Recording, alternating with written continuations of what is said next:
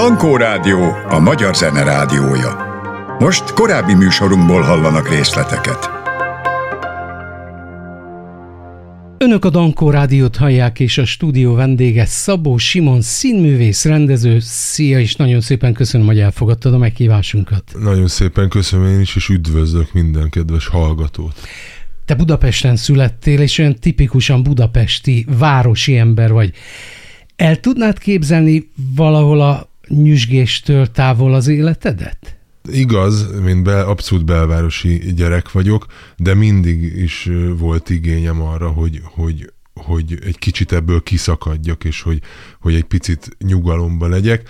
Az, hogy minden hétköznapomat ö, ilyen nyugiba töltsem, azt még nem látom. Mert, mert, mert most is az van, hogy, hogy majdnem minden nap azért úgyhogy már nem lakom nyilván édesanyámnál, de ő ott lakik még, a, ahol, ahol én is felnőttem. Majdnem minden nap megyek, és meglátogatom, és majdnem minden napot. Hol van ez a hely? Budapest melyik rész? Ez konkrétan az ötödik kerület belváros, ez ott a Hold utca a Batyányi Örökmécses, a Szabadság tér, és egyszerűen nem tudom elképzelni, hogy én, én ne legyek ott majdnem minden nap.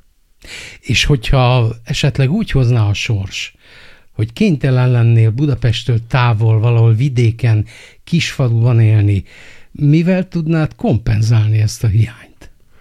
Ez nagyon jó kérdés, de szerintem valahogy azért úgy van, hogy az ember, hogyha megteremti magának azt a környezetet otthon, vagy ahol lakik, hogy, hogy ott azért komfortosan legyen, akkor, akkor azért ez egy áthidalható történet, de tehát olyan nagyon távol biztos, hogy nem tudnék menni Budapesttől. Tehát az elég sok időt töltök például a Mátrába, mert ott van egy kis házunk közösen egy barátommal, de ott is azért három-négy nap az már úgy elég, és utána már vágyom vissza. És mi az, ami a Hold utca környékén neked nagyon fontos a mai napig? Ami úgy ö, néha bevillan esetleg, mikor fölébredsz reggel, hogy hú, akkor ott emlékszem, mi volt. Mi, biztos van egy tárgy, egy szobor, vagy egy utcarészlet.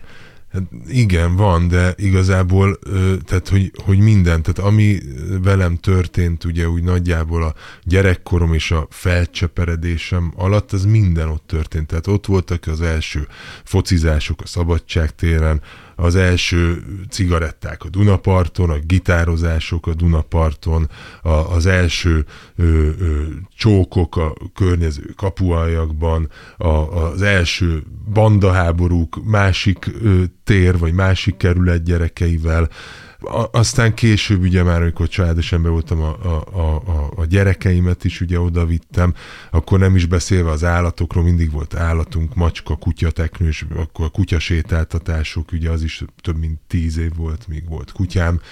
Például csinálunk egy fesztivált 17 éve ott a Szabadságtéren, az is ugye évről évre mindig ö, ott van. Tehát, hogy annyi, annyi mindenben ugye ö, kötődöm, hogy, hogy azt igazából nagyon nehéz lenne pontról pontra felsorolni, és hát ugye tényleg az egészen pici koromtól kezdve mostanáig. Édesanyád könyvtáros volt, édesapád pedig újságíró.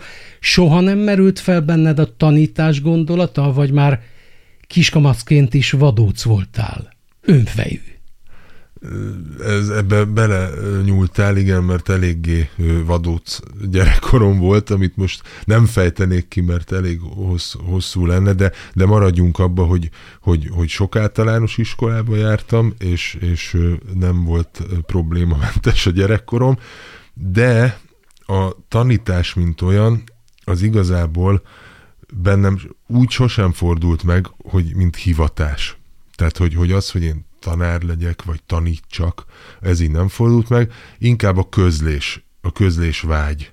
Tehát az, hogy, hogy, hogy ugye én, én a színház, illetve a színészet a filmek mellett, én ugye írok is, egyrészt forgatókönyveket, néha írok verset, illetve rendezek, és ezzel mindig tulajdonképpen ezt váltottam ki, úgy érzem. Tehát, hogy én nem szeretnék tanítani, de szeretném eljutatni az emberekhez azokat a gondolatokat, amik foglalkoztatnak. Szerinted mitől volt az, picit még visszamenve a gyermekkorodra, hogy egy belvárosi gyerek, akinek abszolút értelmiségi szülei vannak, abból egy olyan ember lett, aki, aki lettél. Tehát egy sokkal öntudatosabb, sokkal célratörőbb, és nem maradtál ott, ahol a, a szülői ház igényelte volna azt a fajta viselkedést. Mi váltotta ki benned az, hogy te jobban közölsz? Igazából ilyen igények úgy sosem merültek föl velem kapcsolatba otthon. Tehát nem hogy, volt az tehát, otthon, tehát el, szó, hogy te legyél ez meg az, vagy Igen, az. elvárás nem volt. Tehát azért nekem az apám egy nagyon szabad életet élt, tehát sok testvérem van, vagyis hogy sok féltestvérem van, egy édes testvérem van, apám több házasságából, és én mindig igazából a nagymamámmal, anyai ágon, az anyámmal és a hugommal éltem, és az apámmal, aki vagy volt éppen, vagy nem volt, vagy jött, vagy nem jött, és én azért ezekről a dolgokról, hogy mi lesz, hogy lesz, stb. az inkább mindig az anyámmal beszélgettem, meg, meg vele kapcsolatban vannak erről úgy emlékeim, és az anyu mindig azt mondta, hogy, hogy, hogy mindegy, hogy mit csinálok, de csináljak valamit. Tehát, hogy olyan nincs, hogy nem csinálsz semmit. Tehát, hogyha tanulni szeretnél, akkor tanuljál, ha dolgozni szeretnél, akkor dolgozzál, de az, hogy nem csináld egyiket se, az nem opció. És akkor tulajdonképpen nekem ez nyújtott egy marha nagy szabadságot is, de közben mégis megvolt egy olyan indítatás, hogy valami ilyen irányba menni kell. És ezért az anyu már ilyen 15-16 évesen, így utólag, amikor beszéltünk, azért már látta, hogy én milyen irányba szeretnék elindulni ezekkel szereplésekkel, színház, musical, kis film, nagy film, stb. És hogy ő azért ebbe támogatott, de mellette mindig azt mondta, hogy valami olyat is csináljál, hogyha esetleg ez úgy nem jön be, azért el tud majd magad tartani, meg, meg legyen valami más munkád is. Tehát nekem így azért végig kísérte az életemet a színészkedés, a színjátszás, a film, a, a, a, a filmszínáz muzsika, de mindig dolgoztam mellette valamit. Tehát, hogy éppen egy szórakozó helyet vezettem, vagy, vagy éppen egy fesztiválon dolgoztam, vagy éppen egy ö, ügynökségnél dolgoztam, mint ö, színész és statiszta szervező, vagy éppen később már egy reklámügynökségnél dolgoztam, mint kreatív, vagy ilyesmi, tehát mindig volt valami, és akkor mellette ott volt a színészet, meg a filmezés, meg stb. Aztán egyszer csak azt vettem észre, hogy már inkább abból élek. 1995-ben kezdett színészként a pályafutásodat, Általában igazi vagány fazonokat osztottak rád a rendezők, színház csinálók. Nem hiányoztak sohasem a szelidebb karakterek megformálásai? Igazából rövid a válasz, mert nem. Tehát, hogy, hogy én, én tehát bármennyire is érzem magamban a az érzelmi vonalat, tehát hogy, hogy, hogy... Te egy jó ember vagy, és szeretsz jó, rosszat játszani épp ezért. Ez nagy, nagyjából így van, tehát hogy, hogy, hogy azért tisztában vagyok a, a külsőségekkel, tisztában vagyok a fizimiskámmal. Na, de nincs egy olyan rendező, aki azt mondja neked, mint másik rendezőnek, hogy már pedig ezt én megpróbálnám veled. Figyelj, egyelőre nem jött szembe. Tehát voltak szofisztikáltabb karakterek, amik nem voltak a, az igazán ö, gonosz, vagy vagány, vagy tahó, vagy sutyó ö, szerepek, de, de azért az az igazi áttörés, hogy most el tudnék játszani bármit, és akkor abba keresnének meg, az még nem jött el. Tehát nem, nem, valahogy nem látom azt, hogy mernének bennem gondolkodni. Egy liliomot se? még az se. Még az se, de érdekelne. Tehát, hogyha most hallgatja valaki, akkor érdekelne, csak, csak merje rámosztani. Tehát például szerintem nagyon jó Rómeó lennék. Egy ilyen 40-es Rómeó. Hát abszolút élő dolog. Nem? Ez az új 40, vagy mi az új 30 a 40, vagy hogy van, nem tudom. Mondd, és amikor megbízást kapsz esetleg, akkor mennyire mérlegeled ugyanezt a dolgot, hogy nekem való, vagy pedig kihívás, és megcsinálom? Mivel ennyire speciálisan szoktak megtalálni, ezért nagyjából mondjuk az esetek 80%-ába elvállalom, és azt mondom, hogy persze megcsinálom, bár a nagy kihívást nem érzek benne.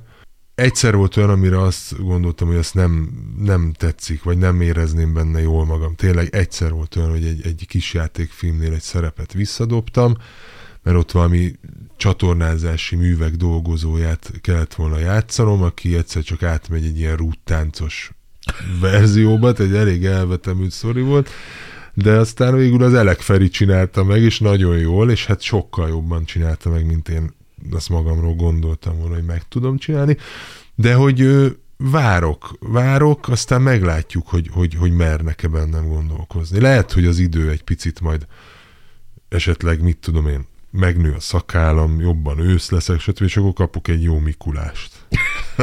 Beszéltünk már arról, hogy Budapesten születtél, hogy édesanyád és édesapád is értelmiségi emberek, mégsem lettél se újságíró, se könyvtáros, illetve azt is szóba hoztuk már, hogy 95-ben kezdted a pályádat, mint színész. De vajon kik voltak rád olyan hatással, akár színházi vagy film élményekből, ami miatt a színpadot, illetve a filmvásznat választottad élethivatásodként?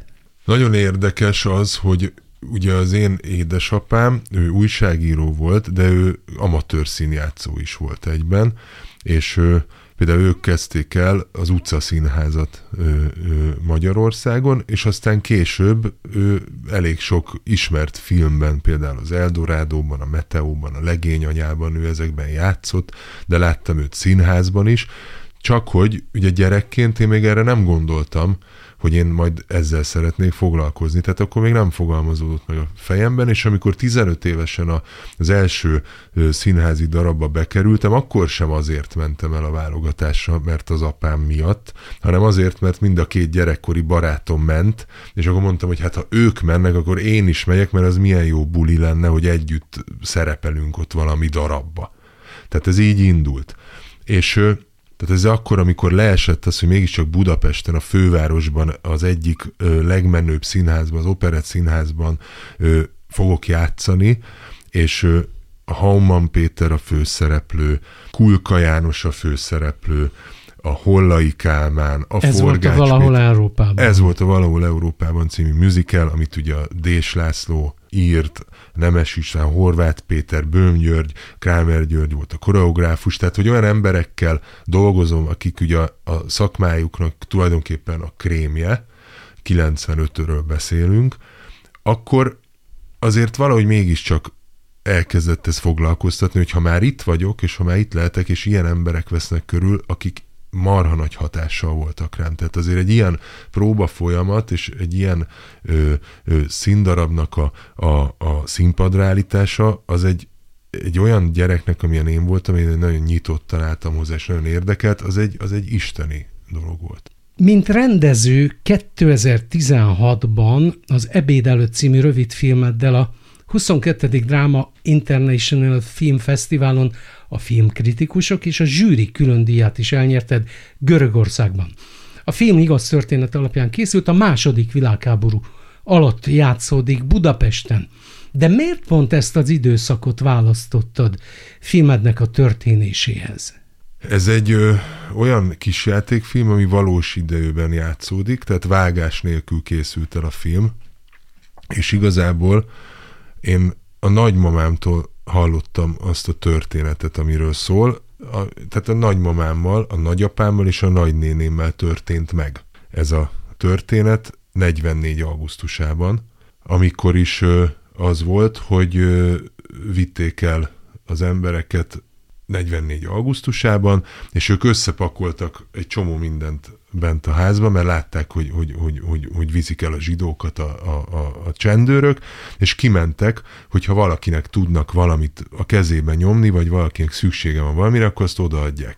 És akkor oda ment egy, egy, egy, egy nő a nagyanyámhoz, és mondta, hogy egy pohár vizet adjon már neki. És arra odaugrott egy csendőr, puskatussal gyomorszájon vágta a nagyanyámat, és azt mondta neki, hogy mit képzel, mi, hát milyen magyar asszony maga. És ez, ez annyira megmaradt bennem, ez a történet, amit a nagyi elmesélt, hogy, hogy egyszer csak eszembe jutott, hogy, hogy, hogy basszus, én ezt szeretném megcsinálni filmen.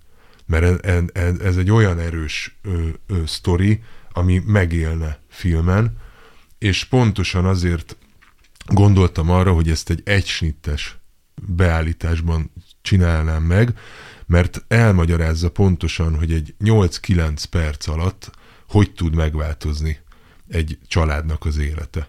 Nem féltél ettől, hogy esetleg olyan sebeket tép föl, nem csak benned, hanem a környezetedben, hogy nagyobb fájdalmat okozol? Vagy talán éppen ez volt a célod?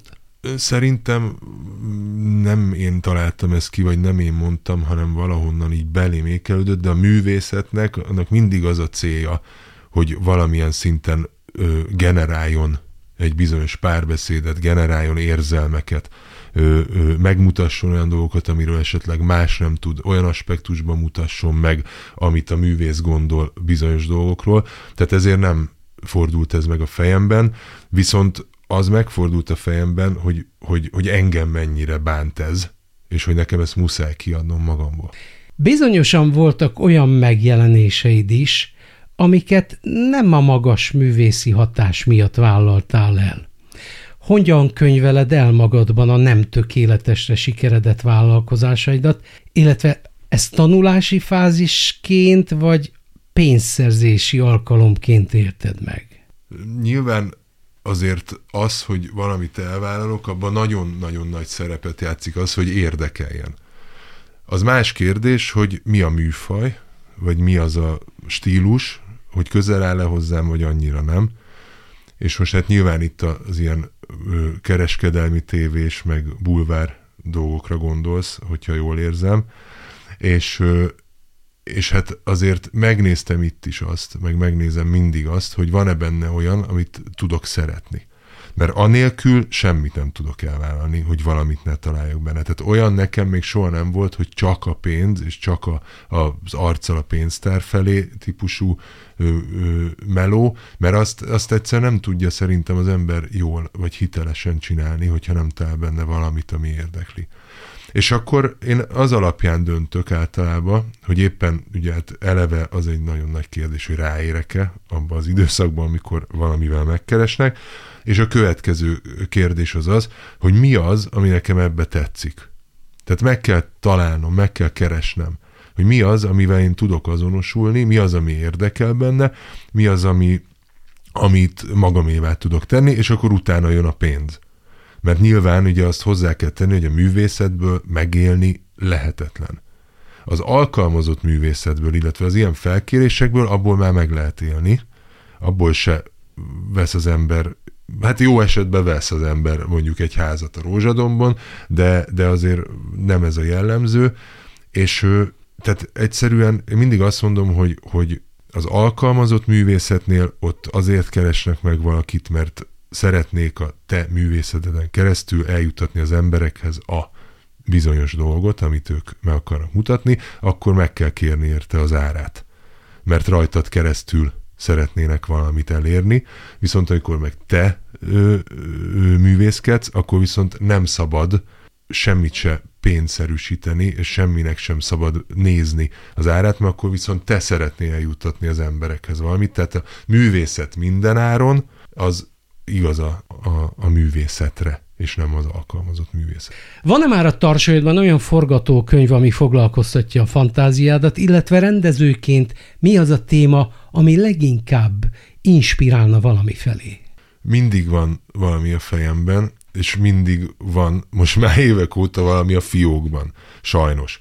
Ö, tehát én a, azért a, az első kisjátékfilmünket, az 2002-ben készítettem, vagyis hogy készítettünk, és azóta mindig szeretnék filmet csinálni, de nem mindig jön össze. És hát most már évek óta ugye az van, hogy, hogy nagyon nehéz maga ez a pénzszerzési fázis, és hát most talán, talán, talán bizakodóbb vagyok egy kicsit, mert, mert elég jól szerepeltünk egy külföldi forgatókönyvíró műhelyben az új ötletemmel, ami egyébként egy ifjúsági kalandfilm gyerekeknek, de közben pedig egy családi dráma felnőtteknek. Ennek ilyen pillanatban az a címe, hogy Marad az űr, és ez két gyerek barátságáról szól, amikor is az egyik közli a másikkal, hogy ő lesz az első gyerek űrhajós. És akkor nekik a, a barátságuk, az, hogy hogy lesz tényleg a kisfiúból az első gyerek űrhajós, erről szól a történet, ami aztán persze nem ilyen egyszerű, mint ahogy ezt most elmondtam, hanem van benne egy elég erős csavar, de most ez foglalkoztat, és mindenféleképpen azért, mert, mert a, a, a gyerekekkel való ugye foglalkozás az most már ugye azért 12 éve az életemnek a része, miután két gyermekem is van, és nagyon szerettem volna mindig is ö, skifi filmet csinálni, és most ezt nem úgy kell képzelni, mint egy csillagok háborúját, hanem a saját kereteink között is lehet science fiction foglalkozni, és erre nagyon jó módszerek vannak, illetve szerintem egy elég jó tematika.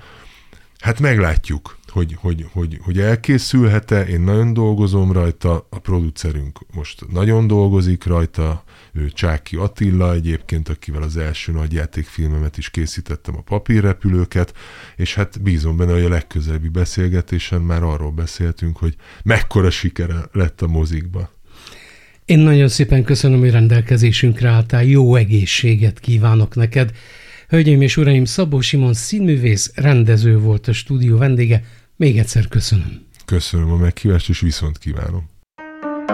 Érdekes vendégek, izgalmas beszélgetések minden hétvégén reggel 6 órától 10 óráig Nádas Györgyel.